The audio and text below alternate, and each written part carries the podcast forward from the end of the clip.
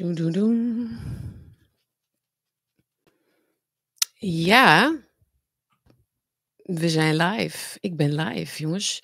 Als het goed is, tenminste, als jullie mij kunnen horen en zien. Volgens mij werkt alles. Welkom in deze bakkie, deze 28 februari. Niet de laatste dag van februari. We hebben morgen nog eentje. Lange maand. Lange februari maand. Ehm, en het wordt volgens mij eindelijk volgende week mooi weer ook, warmer. Dat is wel erg welkom, toch? Eh, welkom in de chat. Ik zie best wel veel bekende mensen alweer. De druk eh, wordt nogal opgevoerd. Want Dennis zegt van, kijk uit naar de persoonlijke doordachte beschouwing door Sietske met betrekking tot het onderwerp Rutte naar de NAVO. Ben benieuwd naar je altijd nuchtere analyses en uitgebalanceerde kijk. Oeh, nou jongens, de druk wordt opgevoerd. Ja, nou ja, ik heb er zeker wel uh, een mening over natuurlijk. Er is heel veel aan de hand hè, op dit moment. Uh, natuurlijk met Rusland nu, um, nou ja, Rutte, maar ook uh, de boerenprotesten in Brussel afgelopen maandag. Daar wil ik het over hebben met jullie. En dat hebben we nog meer allemaal gehad. Um, alarmistische berichten zag ik vanochtend weer over dat het deze zomer heel heet gaat worden in Zuid-Europa. Met dan weer foto's van brandjes en bosbranden in weet ik veel waar. Alsof dat allemaal met elkaar samenhangt, whatever. Maar goed, niks nieuws onder de zon. Um, zullen we maar zeggen. Oh nee, nee, nee, nee, nee, nee, nee, nee. We gaan nu niet bellen. We gaan nu niet bellen. Ik weet niet, wie dat was. Um, ik zal hem even stilzetten. Dat gebeurt me nou nooit. Ik had hem openstaan omdat ik een filmpje met jullie wilde delen. Ook van Frans Timmermans van de banninglezing. Um, daar ging het ook even over, online. Ja, hoe is het verder, jongens? Ik uh, zie de chat nog niet. Oh ja, ik zie het al. Alright. Goedemorgen. Thomas, Margreet, Stefan, Fred. Nou, gezellig. Kom gezellig binnen, neem wat koffie. Uh, mijn koffie was op, dus ik heb maar een colaatje gepakt, wat een beetje raar is op dit tijdstip. Maar goed, het werkte ook. Is ook cafeïne. Verder, um, ik hoop dat jullie een leuk weekend hebben gehad. Uh, mijn oudste zoon, die heeft zijn arm gebroken zondag. Terwijl hij het trucje wilde doen met een voetbal. En ik zei laatst toch, wanneer, ik weet niet, maakt niet uit tegen wie ik het zei, maar ik dacht nog van, je hebt twee jongens, je weet dat het een keer gaat gebeuren en het gebeurt dan zo eventjes tussen, ja, gewoon eventjes voor de deur. En dat is heel vervelend, want het is een soort ja, complexe breuk eigenlijk in zijn pols. En er was even sprake van dat hij ook geopereerd moest worden, maar dat hoeft gelukkig niet. Dus hij zit nu in het gips. Maar hij is linkshandig en het is een rechterhand. Dus daar zit een klein voordeeltje. Maar het is um, pijnlijk. Hij heeft er best wel veel pijn van, dus het is wel een beetje zielig. Dus uh, dat was niet zo leuk, maar verder gaat het eigenlijk best wel goed.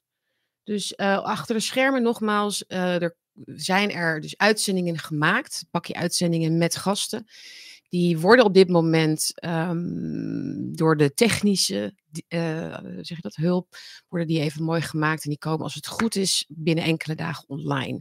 Dus dank voor jullie geduld. De bakkies live zullen ook weer, wel weer frequenter komen, denk ik. Maar het is even de aandacht gaat even daar naartoe, vooral met name.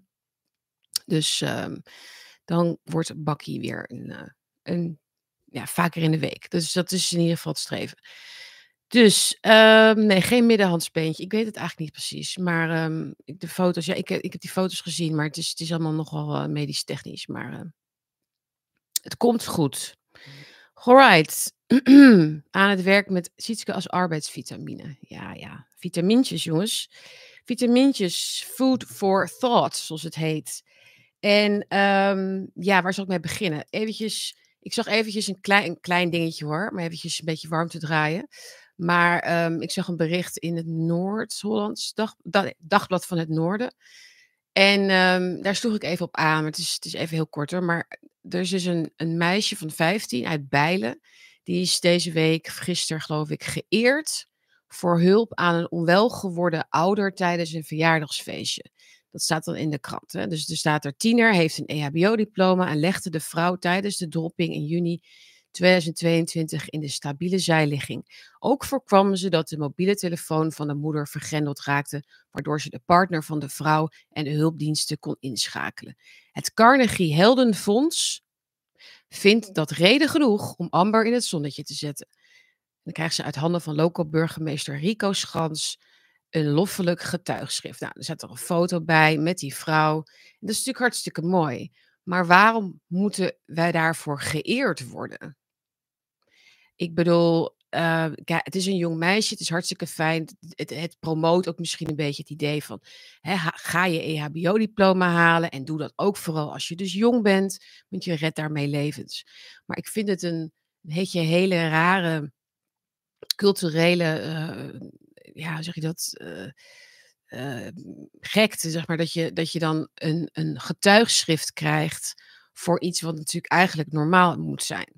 Ik bedoel, als zij het niet had gedaan, had iemand anders haar vast ook wel geholpen, lijkt mij. Maar goed, those are the times. Hè? Dus hele normale dingen worden heel uitzonderlijk ineens. Hè? Dus heel uitzonderlijke um, lofuitingen en aandacht voor het helpen van anderen in nood. Uh, dat is wel, vind ik wel opvallend. Dus, maar goed, misschien is het een beetje Nederlands ook hoor. Van, oh, wat zijn we toch blij en zo. Nou ja, taartjes erbij natuurlijk. Ja, maar goed. Klein dingetje even wat mij opviel net vanochtend. En ja, laten we maar gewoon. Um, ik weet niet, waar zullen we mee beginnen? Ik denk dat ik even begin met de boeren in Brussel. Dan gaan we naar, naar Rutte. Um, ja, maandag hebben we dus gezien inderdaad dat, uh, dat, uh, dat het nogal, uh, nogal heftig werd in Brussel. Hè? Dus we, het was niet alleen maar de tractoren die daar natuurlijk dan heen gaan naar dat regerings uh, hoe heet dat ook weer? De, de regeringswijk, de EU-regeringswijk daar, waar dus allerlei landbouwministers zouden samenkomen. En die zijn ook samengekomen daar om, ik moest even kijken wat nou de officiële, zeg maar, intentie was van dat overleg. Maar dat was dus om te praten over versoepelingen voor de boeren.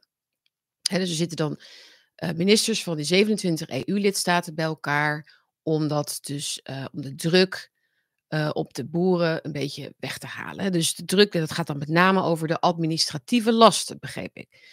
Want dat zou het probleem zijn. De administratieve lasten zijn het probleem en dat erkennen ze dan en dat moet allemaal wat soepeler. En uh, dat helpt misschien ook om die chaos natuurlijk, die de protesterende boeren aanrichten, te verminderen of zoiets. Ja, um, uh, even kijken, wat zegt hij? De Adema heeft erover gezegd: we hebben deze landbouwraad speciaal ingelast vanwege de zorgen die er leven bij de boeren.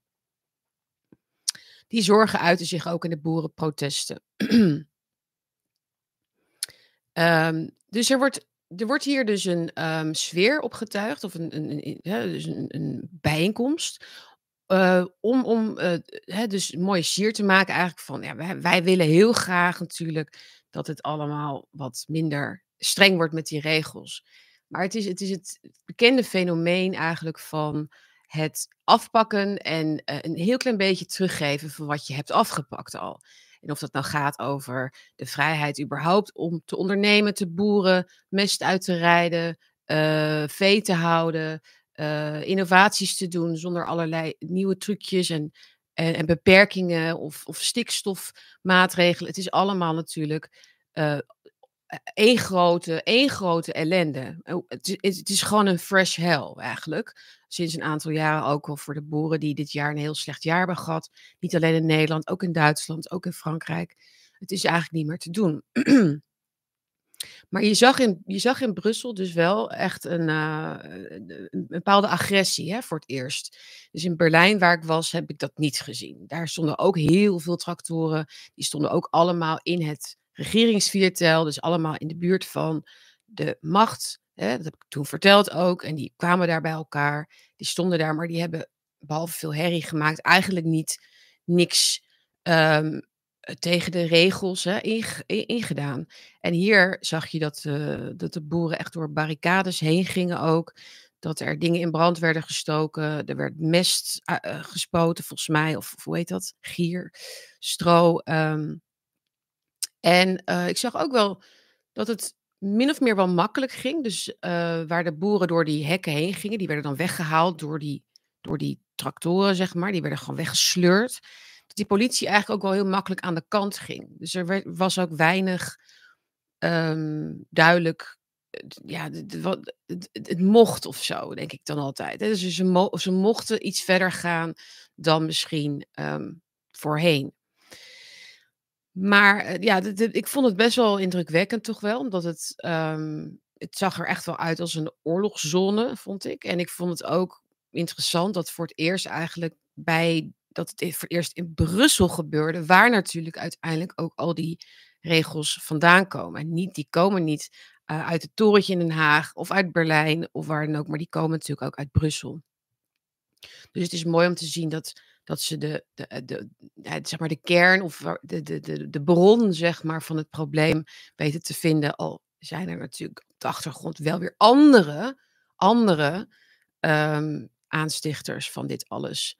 Denk aan de grote BlackRocks en dat soort zaken die natuurlijk belang hebben bij het opnieuw inrichten eigenlijk van onze voedselvoorziening. Dus, uh, waar waar valt het geld te halen? Waar is het geld te halen? Daar komen de leugens. Daar komen de regels die ons, uh, moeten sturen en die onze, uh, ja onze hele wereld opnieuw moeten inrichten. Zo is het ook. En dat gaan we het zo nog even over hebben, want dat is ook wat, uh, Frans Timmermans natuurlijk beweert, hè, nu in die banninglezing.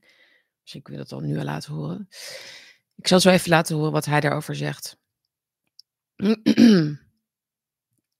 Even kijken, ehm wat had ik eruit gehaald? Ja, dit is ook mooi, hè. Er staat hier in het stuk van NOS, dus over afgelopen maandag staat er: "Zo hebben de boeren last van strenge milieuwetgeving en sluiten veel regels niet goed niet goed aan op de praktijk op het boerenerf," zei de Belgische landbouwminister na afloop van het overleg. Ook zijn er zorgen over concurrentie van buiten de EU en de gevolgen van de oorlog tussen Rusland en Oekraïne voor de landbouw. Om ook die problemen op te lossen, kwamen de landbouwministers zelf met ideeën. Ze dienden meer dan 500 plannen in, die volgens hen kunnen helpen om de boeren te ontlasten. Ja, la laten we inderdaad dan 500 plannen indienen. Um, om de andere 5000 regels die er zijn, makkelijker te maken. Dit is alleen maar toevoegen, het opeenstapelen van uitzonderingen op regels, die dan vervolgens weer moeten worden aangepast, die vervolgens weer nieuwe problemen, vervolgens nieuwe oplossingen nodig hebben, enzovoort. Je zit in een bureaucratische malle molen, een fresh hell, zoals ik al zei, waar deze ministers in ieder geval niet, niet uit gaan komen op deze manier. Ze hebben helemaal geen macht, ze hebben helemaal geen invloed op uh, de, de, de koers die is ingezet natuurlijk. En dit is allemaal window dressing. Uh, en het is niet eens meer overtuigend ook. Het is niet eens meer van, oh ja, nu mogen we iets meer. Of nu, nu is er echt, echt aandacht voor onze problemen. Dat is gewoon niet zo. Denk bijvoorbeeld aan, wat, hè, wat, bijvoorbeeld AGA-actie wil, is dat ze weer mest mogen uitrijden. Dat, dat, dat is nu ook weer verboden. Um, wat staat er ook alweer over? Um, Nederland, ja, Nederland vroeg om meer flexibiliteit voor boeren om, en toestemming om dierlijke mest om te zetten in kunstmest. Wat de boerenorganisaties ook bepleiten. Adema wil ook dat Nederland meer vrijheid krijgt om de regels op een eigen manier in te voeren. ja, right. Nederland is echt anders dan Spanje, Italië of Duitsland. We willen het op onze eigen manier doen. Ja, dat klopt inderdaad, meneer Adema, dat Nederland um, uh, echt anders is. Wij lopen voorop. Wij lopen echt voorop in het weg met ons, het weg met de boerenverhaal. Um, dat is inderdaad een uh, belangrijke uitzondering. Maar wat zei Frans Timmermans nou daarover? Zal ik heel even kijken of ik het kan laten horen. Veel meer met de gevolgen van onze demografische ontwikkeling rekening moet houden. Sectoren die maar een klein deel van onze economie uitmaken en die zowel sociaal als ecologisch zeer belastend zijn, zoals de intensieve veehouderij en de glastuinbouw, zullen moeten worden verkleind of verplaatst naar oorden buiten Nederland, waar de belasting veel minder is. En Nederland zal bij de inrichting van onze economie ook veel meer met de gevolgen van onze demografische ontwikkeling rekening. Ja, dat had ik al. Wat zegt hij nou? Sociaal en ecologisch belastend. Dat zijn de boeren. De boeren zijn sociaal en ecologisch belastend en daarom moeten ze naar andere orden waar die belasting minder is. Wat bedoelt hij met sociale, sociale belasting? Hoezo is, is, zijn de boeren een sociale belasting? Ja, belasting voor jullie. Hè? Dus er is een last. Jullie willen dat dat verdwijnt, omdat jullie andere dingen willen doen met het land. Dat is de, maar de sociale belasting is precies wat het niet is. Het is juist, de boeren zijn heel belangrijk voor het sociale weefsel van een land. En hoezo is het verplaatsen dan van de boeren naar andere orden minder een belasting als het gaat om ecolo ecologie en klimaat?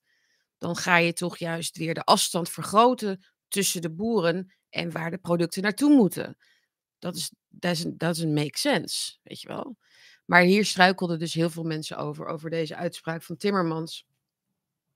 Die zich duidelijk aan het warm draaien is voor iets. Ik weet niet wat het is. Misschien wel uh, wordt hij toch wel weer de nieuwe minister-president. Wat denken jullie? Um, hangt een beetje van Rutte af, hè, nu, denk ik ook wel. Maar ik denk het eerlijk gezegd niet hoor. Maar goed, kijk eventjes wat jullie erover zeggen. Uh, maar dat was dus die banninglezing. Even kijken, waar heb ik hem hier staan? Daar had, uh, hoe heet ze ook alweer, dingetje. Wel een interessant stukje over bij uh, Opinies. Dat is uh, Maaike van Charante. Zeg ik het goed? En zij begint haar artikel met om maar e-, meteen in regentenstijl te beginnen. Ik heb de banninglezing van GroenLinks P van de A-leider Frans Timmermans gekeken, zodat u het niet meer hoeft te doen. Kijk, dat vind ik nou scherp. Hè? een verhaal zonder visie, zegt zij, gebouwd op vijandbeelden en overlopend van tegenstrijdigheden. Ja, wen er maar aan. Dit is de, dit is de manier van communiceren van, van onze regeringsleiders. Hè?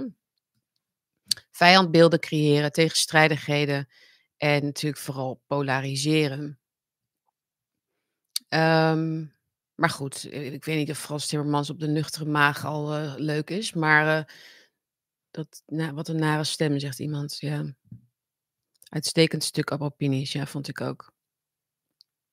Iemand zegt 70% kans op Frenske, nu schat ik in. Zeker geen nieuwe verkiezingen.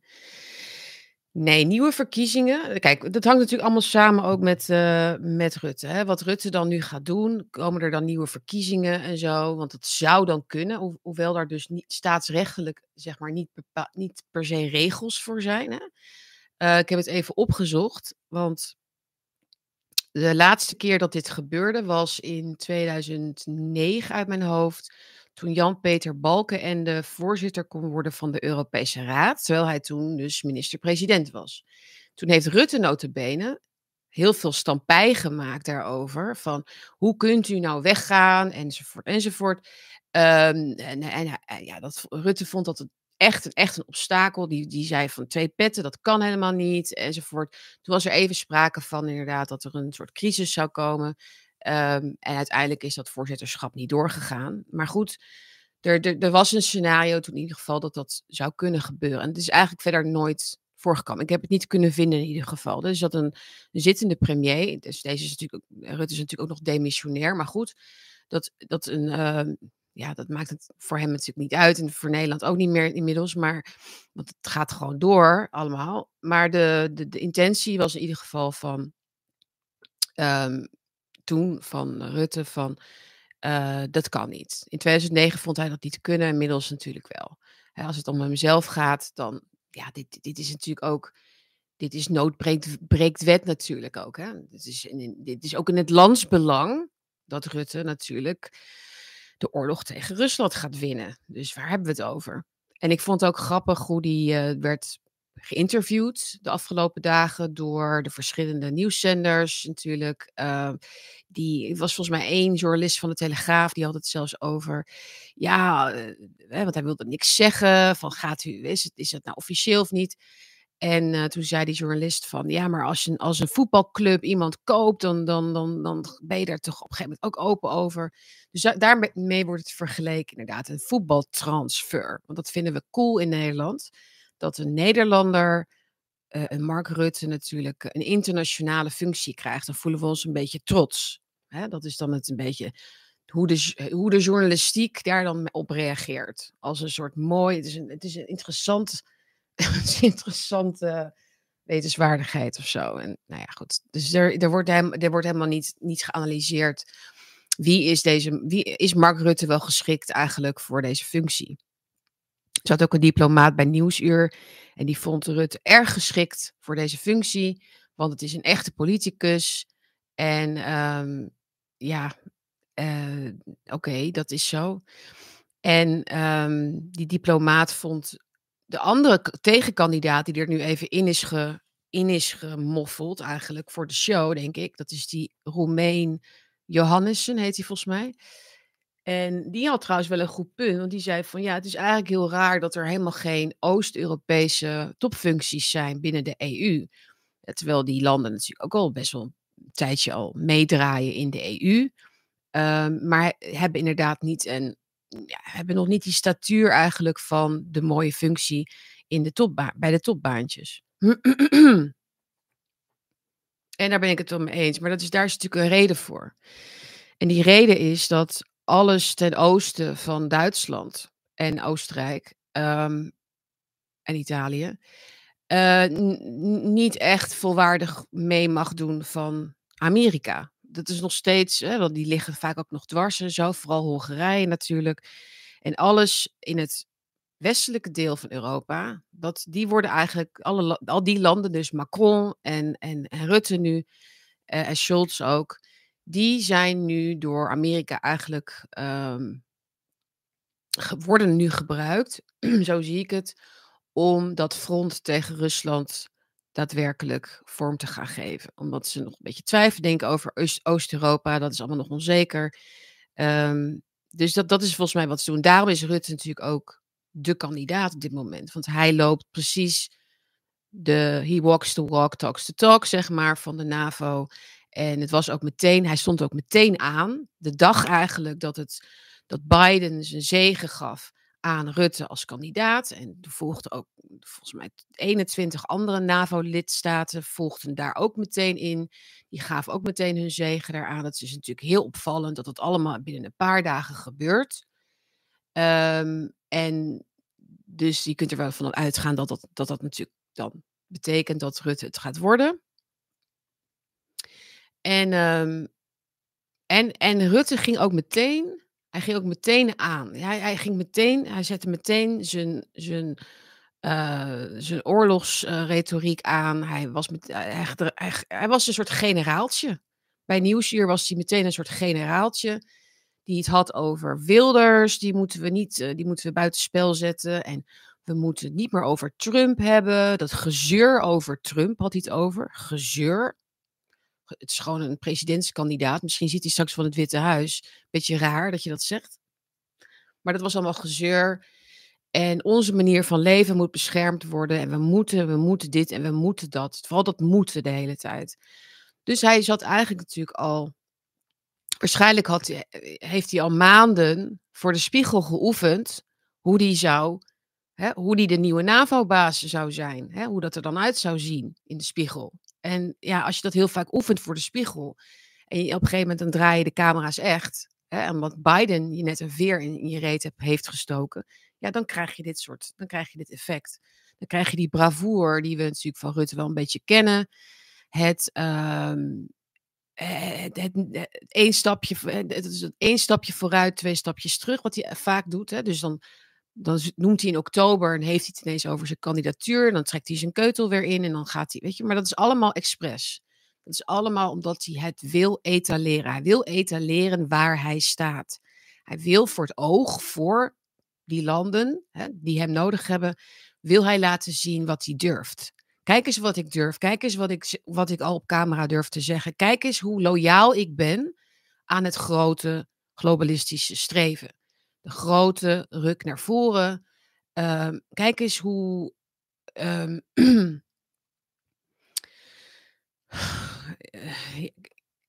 kijk eens hoe makkelijk over eigenlijk de, het ongemak, zeg maar, en, en, en, de, en de taboes heen durf al dus hij, hij, hij, hij kiest natuurlijk heel zorgvuldig wel zijn woorden, want hij wilde niet bevestigen wat Macron heeft gezegd nu, vorige, vorige week volgens mij, of wanneer was het?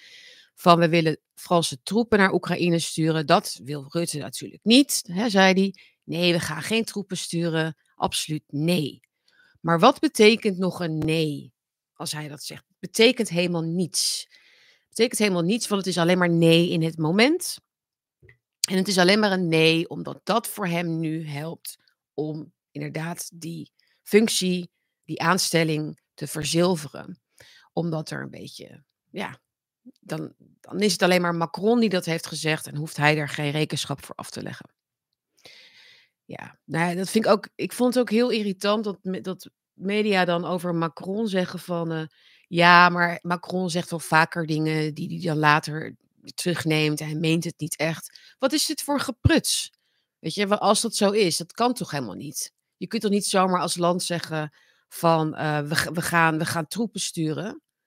En wat, wat, wat, er, wat er is gebeurd namelijk na die uitspraak, die dan niet, niet, niet zoveel betekent in het licht van de persoon Macron, is dat Rusland heeft gezegd van ja, nou als jullie dat gaan doen, dan is het oorlog. Dan, dan hebben we echt oorlog.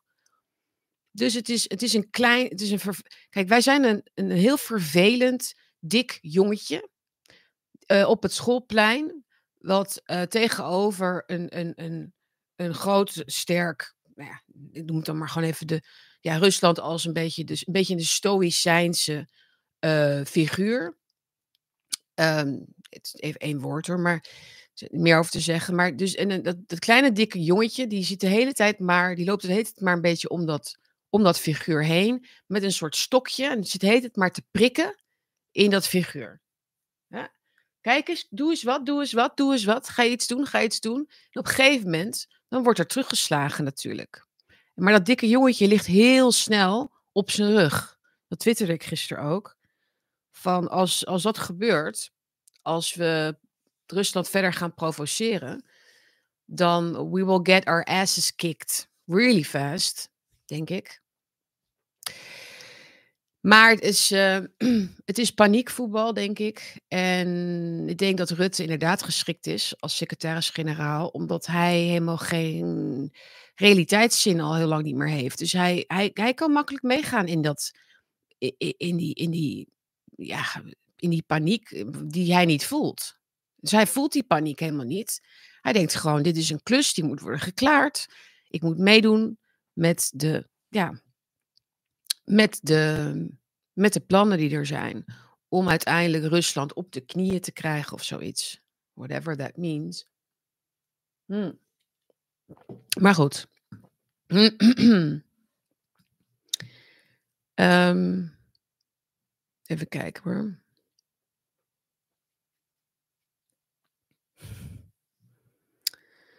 Ja, jongens, het is, uh, er is wel, uh, het is, ik, ik, moet, ik moet wel eerlijk zeggen dat ik, me, dat ik me nu ook wel een beetje, een beetje zorgen begin te maken over deze psychopathische, um, wat is het? De, death wish. ja. En, en de prijs, jongens, de prijs van dit alles. Want wat hebben we nu? Een tienjarig contract het is ook wel toevallig hè, dat het tienjarig contract met Oekraïne net is afgesloten. En een paar dagen daarna mag Rutte vrijelijk over zijn kandidatuur spreken. Het is echt cadeautjes geven, jongens, aan uh, de volgers. Maar, nou ja, kijk, in de normale wereld zou Rutte natuurlijk dat nu nooit kunnen worden. Omdat hij natuurlijk gewoon veel te veel schandalen op zijn naam heeft staan.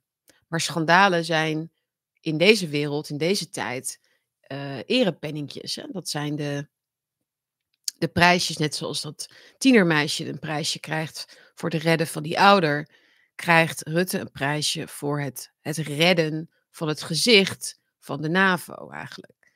Omdat hij, omdat hij roeit met hun riemen, omdat hij de taal spreekt die zij graag horen, omdat hij rukzichtloos is, omdat hij gewetenloos is, zou ik wel kunnen zeggen. Um, en omdat hij bereid is om heel hoog spel te spelen. En hij is bereid om zijn eigen land in de uitverkoop te doen. Dat is Rutte. Rutte die heeft dat laten zien dat hij eigenlijk geen enkel belang heeft, dus ook geen tegenstrijdig belang heeft. Hij heeft geen tegenstrijdig belang. Daar, doen wij, daar praten wij nu een beetje over. Tegenstrijdige belang. Het belang van Nederland versus het belang van de NAVO.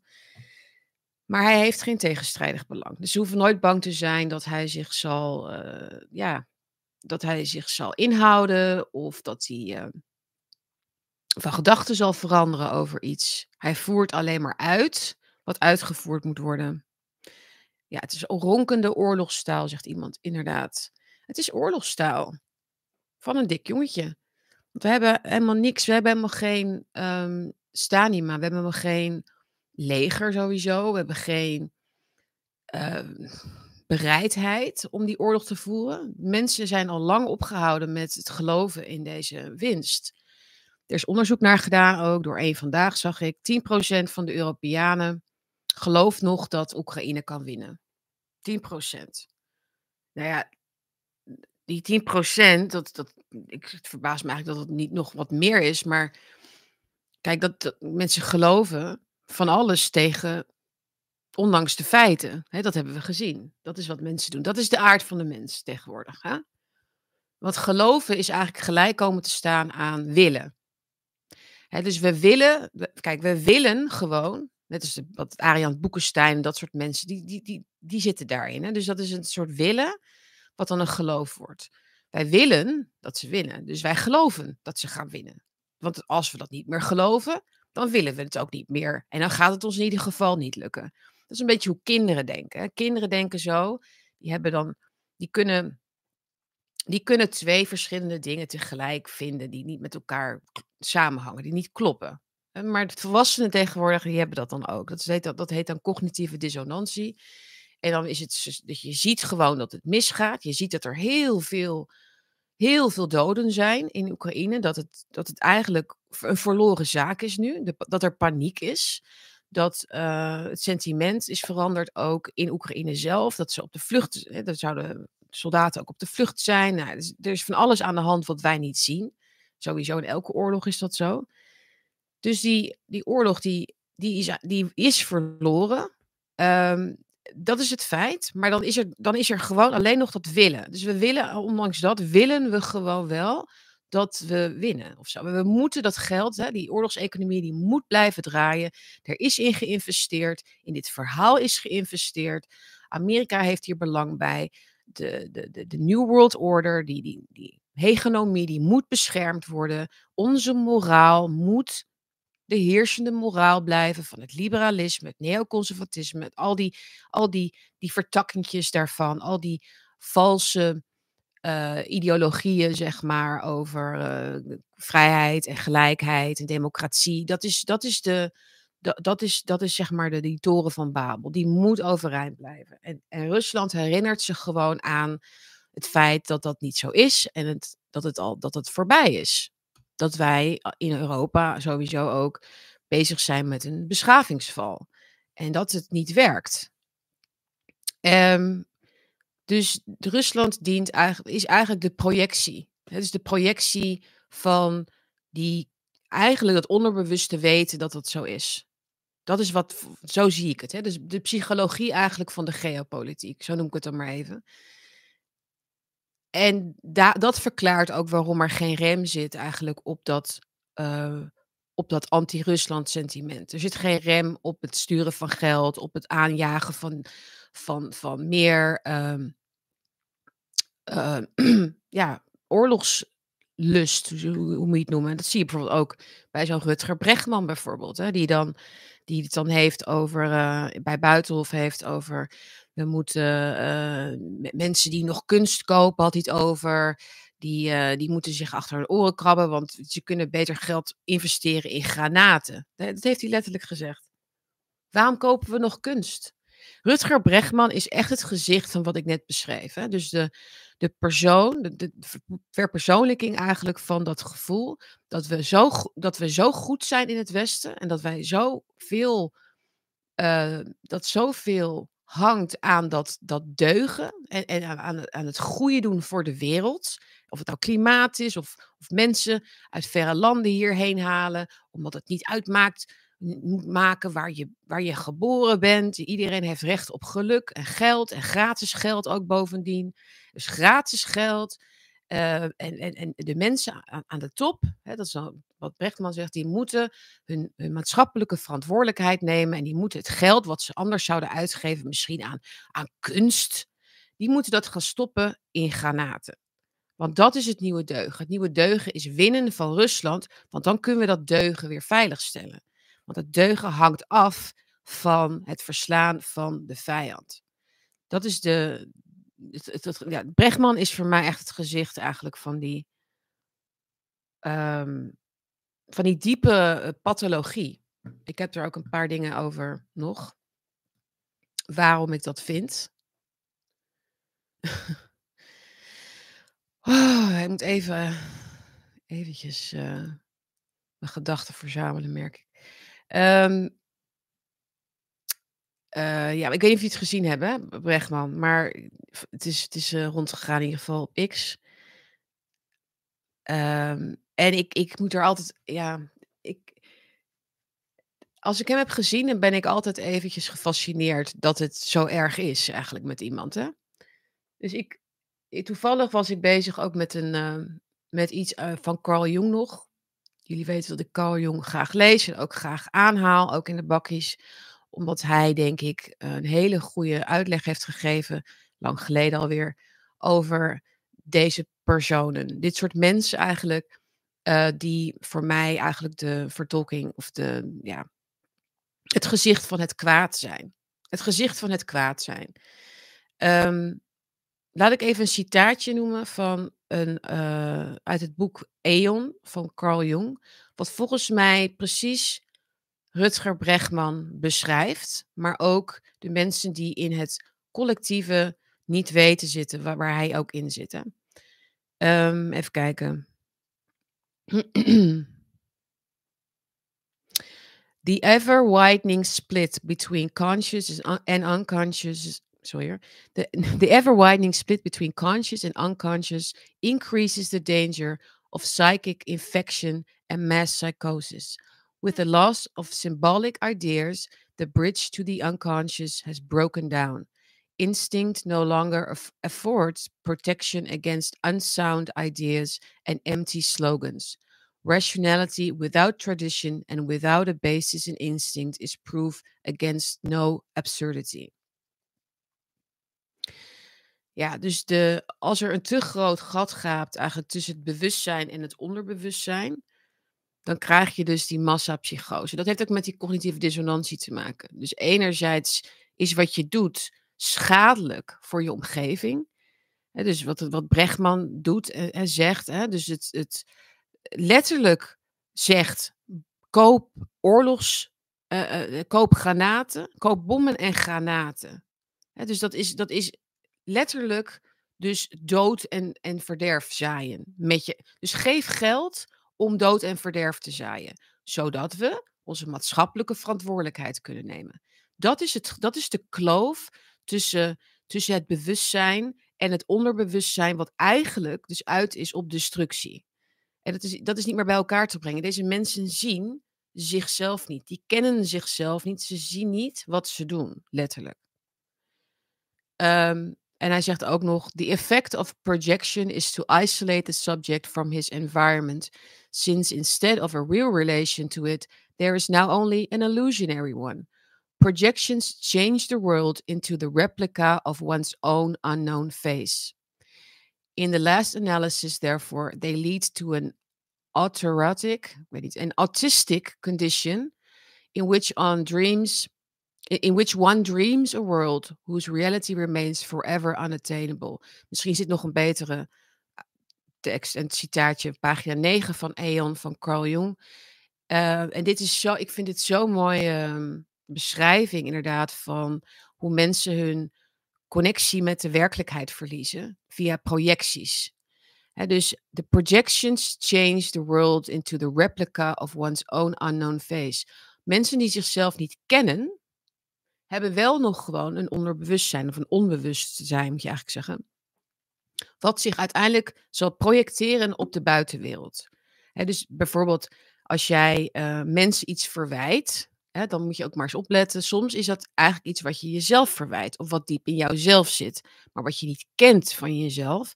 En doordat jij vindt dat anderen naar en vervelend of ongeduldig of leugenachtig zijn of kwaadaardig zijn of wat dan ook, moet je altijd, altijd eerst bij jezelf te raden gaan van zeg ik dit omdat die mensen dat echt zijn of omdat ik misschien zelf iets van, van mezelf niet ken En dat dus projecteer op die buitenwereld. En in, in een verder gevorderd stadium krijg je dus dat je op een gegeven moment een hele wereld gaat creëren buiten jouzelf om. Een replica, zoals hij dus zegt, Jung zegt, een replica van je eigen onbekende gezicht. Kijk, ik ben natuurlijk ook altijd aan het beschuldigen en zo. Dus jullie mogen dat absoluut ook tegen mij aanhouden. Uh, maar ik denk hier dus wel over na. Ik denk hierover na van waarom ben ik daarmee bezig? Waarom zie ik dat? Wa wa wat zit er in mij? Enzovoort. Maar ik denk dat ik het ook wel van een afstandje kan bekijken. Hè? Dus ik haal het ook in de context van jong aan bijvoorbeeld.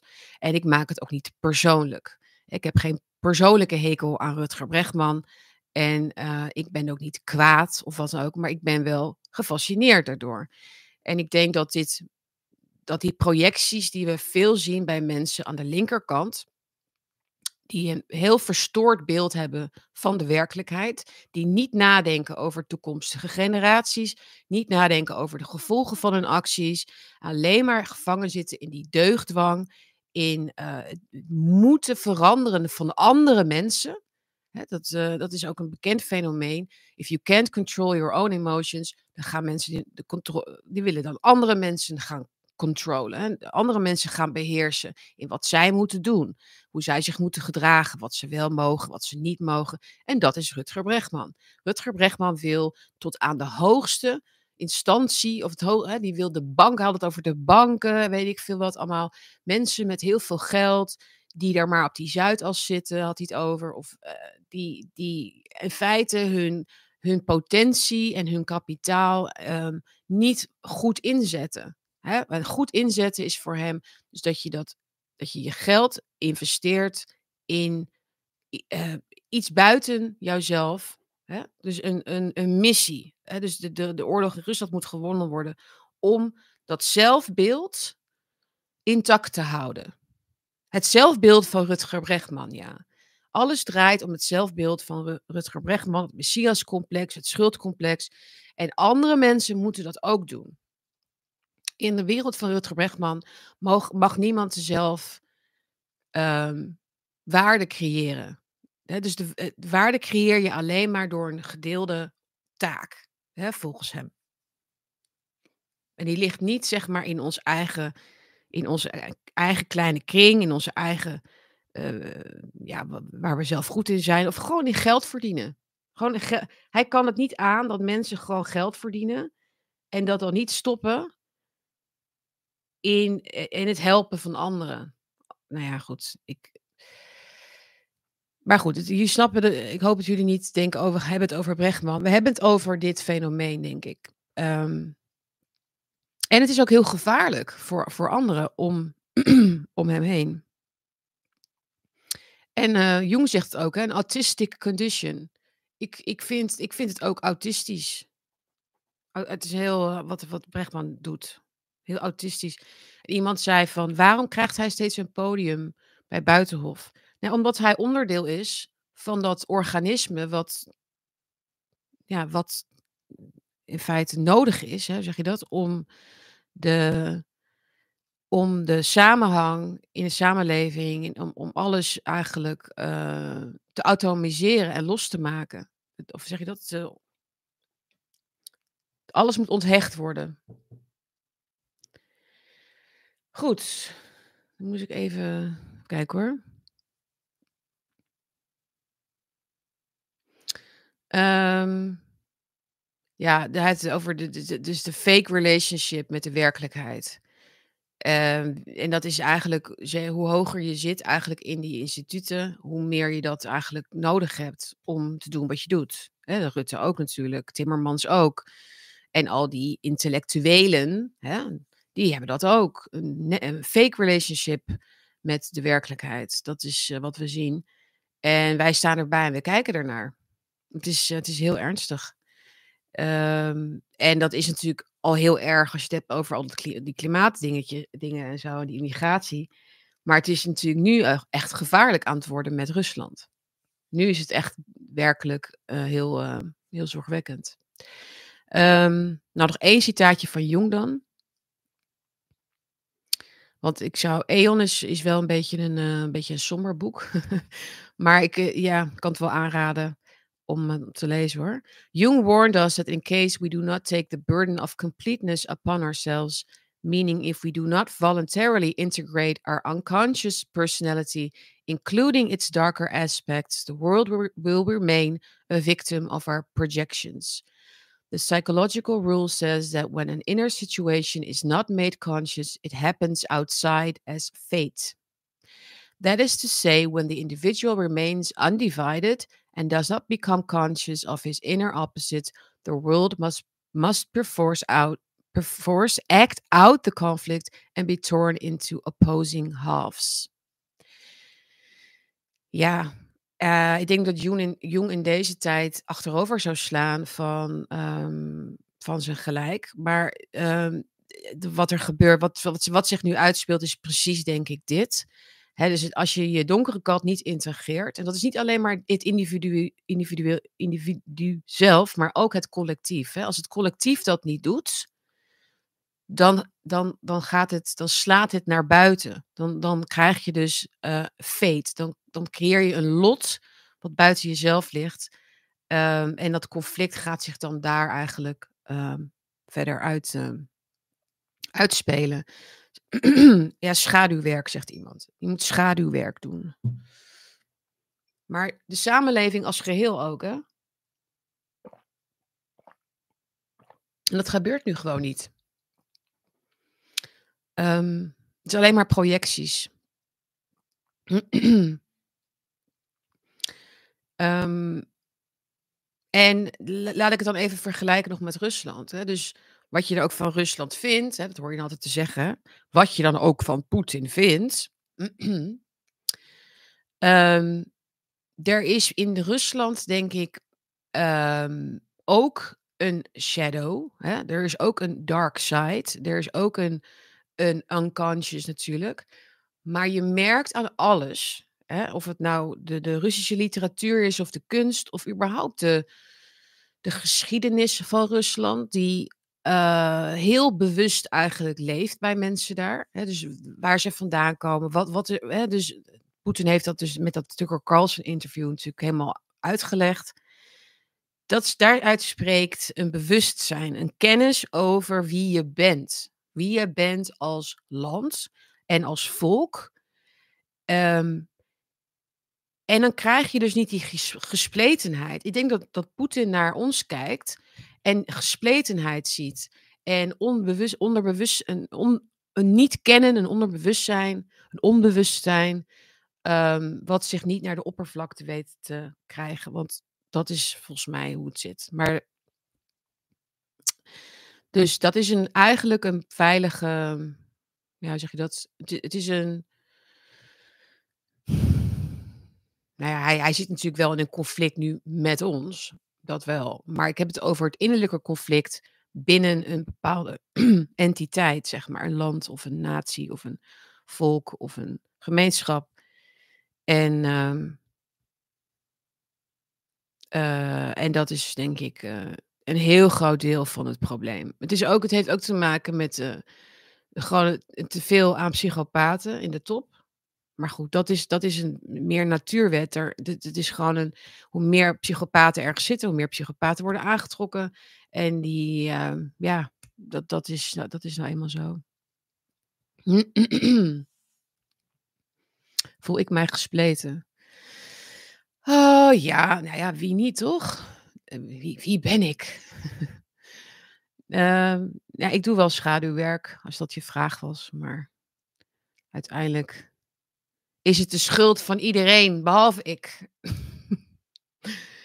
Toch? Eh, denk ik dat we een derde wereldoorlog gaan krijgen. Ik denk dat als wij niet stoppen met wat we nu doen, dat het er gaat komen. Maar ik denk niet dat het vanuit Rusland komt. Rusland gaat wel reageren. Zeker. Maar wij doen dit zelf. Ik weet dat dat een eh, hele eh, niet populaire mening is eh, onder veel mensen, maar ehm, we moeten elkaar met rust laten. Ja.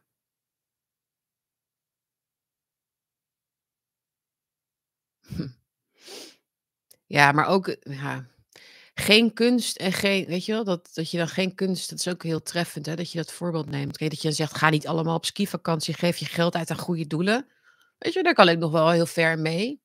Vind ik ook wel misschien. Misschien moet je dan kijken waar je ja, je kunt altijd beter doen. Je kunt altijd geld weggeven, niks mis mee.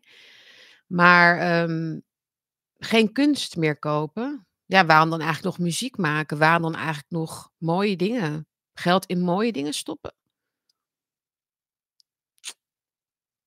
Ja. Daarin zit daarin zit, eh, het echte verhaal, hè, van Bregman. Hij heeft een hekel. Hij heeft een hekel aan alles wat mooi is. Want hij is want het is niet mooi bij hem van binnen. Het is niet mooi, het is lelijk bij hem van binnen en de en de wereld moet er ook zo uitzien zoals hij zich van binnen voelt. Echt. Ik ben ik ben geen, eh, ik ben geen psycholoog, maar dit snap ik. Ehm ja. Ik ben al door mijn onderwerpen heen volgens mij. Ik zit eventjes jullie dingen te lezen hoor, dat vind ik leuk. Ehm ja, nee, maar dus de algehele vibe, mood bij mij is nu van, eh, er gebeurt ontzettend veel. Ehm eh, ja, en het jaar is pas net begonnen. Het wordt een heel spannend jaar denk ik voor ons allemaal. En, eh, ik hou met alles rekening.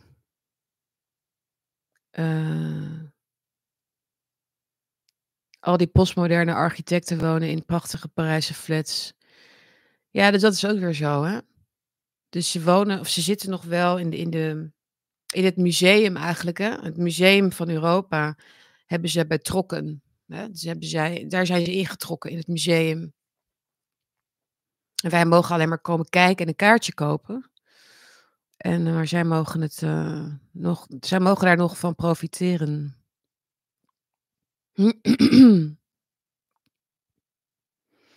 Ja, misschien is de oor oorlog al begonnen.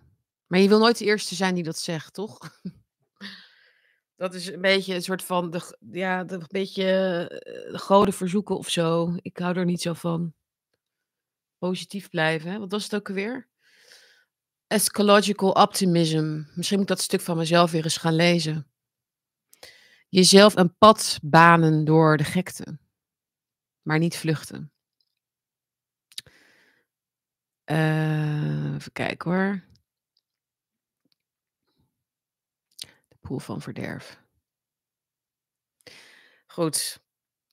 Ehm jullie mogen nog wat vragen. Ik heb nog wel eventjes, 5 minuutjes of zo. Als jullie toch even moeten nadenken daarover. Vergeet niet te liken jongens en te delen en te abonneren. Had ik helemaal vergeten te zeggen in het begin. Niet goed. Ehm, maar dat kan dus hieronder. Had ik nog verder nog andere dingen die ik jullie nog moest vertellen? Nee, volgens mij niet. Eh, Hoe gaat het daten? Dat is nog behoorlijk ingewikkeld hoor, moet ik zeggen.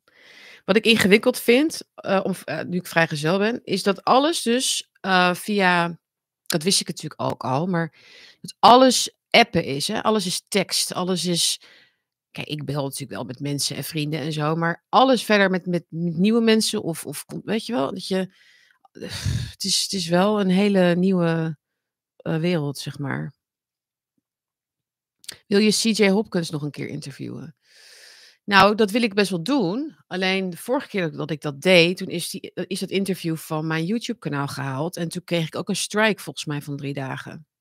Dus dat ik bedoel, ik ik vind het leuk, maar ik ga niet mezelf, eh ik ik weet niet waarom eigenlijk, maar hij is behoorlijk hij zit behoorlijk in de eh, hij wordt behoorlijk in de gaten gehouden in ieder geval door de powers that be. Even kijken. Nee, ik ben niet aan het daten. Wat is hoe heet dat? Nee, maar goed. Tot jezelf komen. Ja, eh, als ik daar wat, eh, leuks over te vertellen heb, dan zal dat op den duur wel komen, denk ik. Oh, Michael wist dit nog niet. Oké. Michael van der Galiën. Ja, maar ik moet niet oversharen. Dat is, dat, dat is niet goed. Ehm, ja, dat is, je zult genoeg uitnodigingen krijgen, denk ik, voor een bakkie met. Ja, dat, is dat, dat denken mensen dan, hè? maar dat, dat, valt toch wel tegen hoor. Ehm, ja, ik was inderdaad bij Forum Insight. Vrijdag, dat was vrijdag opgenomen, eh, maandag uitgezonden. Dat was best wel leuk. Ik kreeg, uh, er lag allemaal vlees op tafel van dat eerlijk eten. En ik mocht ook dingen mee naar huis nemen. Dus ik ging echt met zo'n stapel entrecots en hamburgers en een hele keut, hoe heet zoiets? Een keutebof, buff, zoiets. nou, dat was wel grappig. Dus het ging over de boeren en zo onder andere. Het is altijd heel uh, gezellig hoor, met, uh, met Ralf en uh, Thierry. Dank je wel. Ja, ik zat er wel relaxed in. Een kutbuff, ja. um, en wijn was er ook natuurlijk. Ja, nou.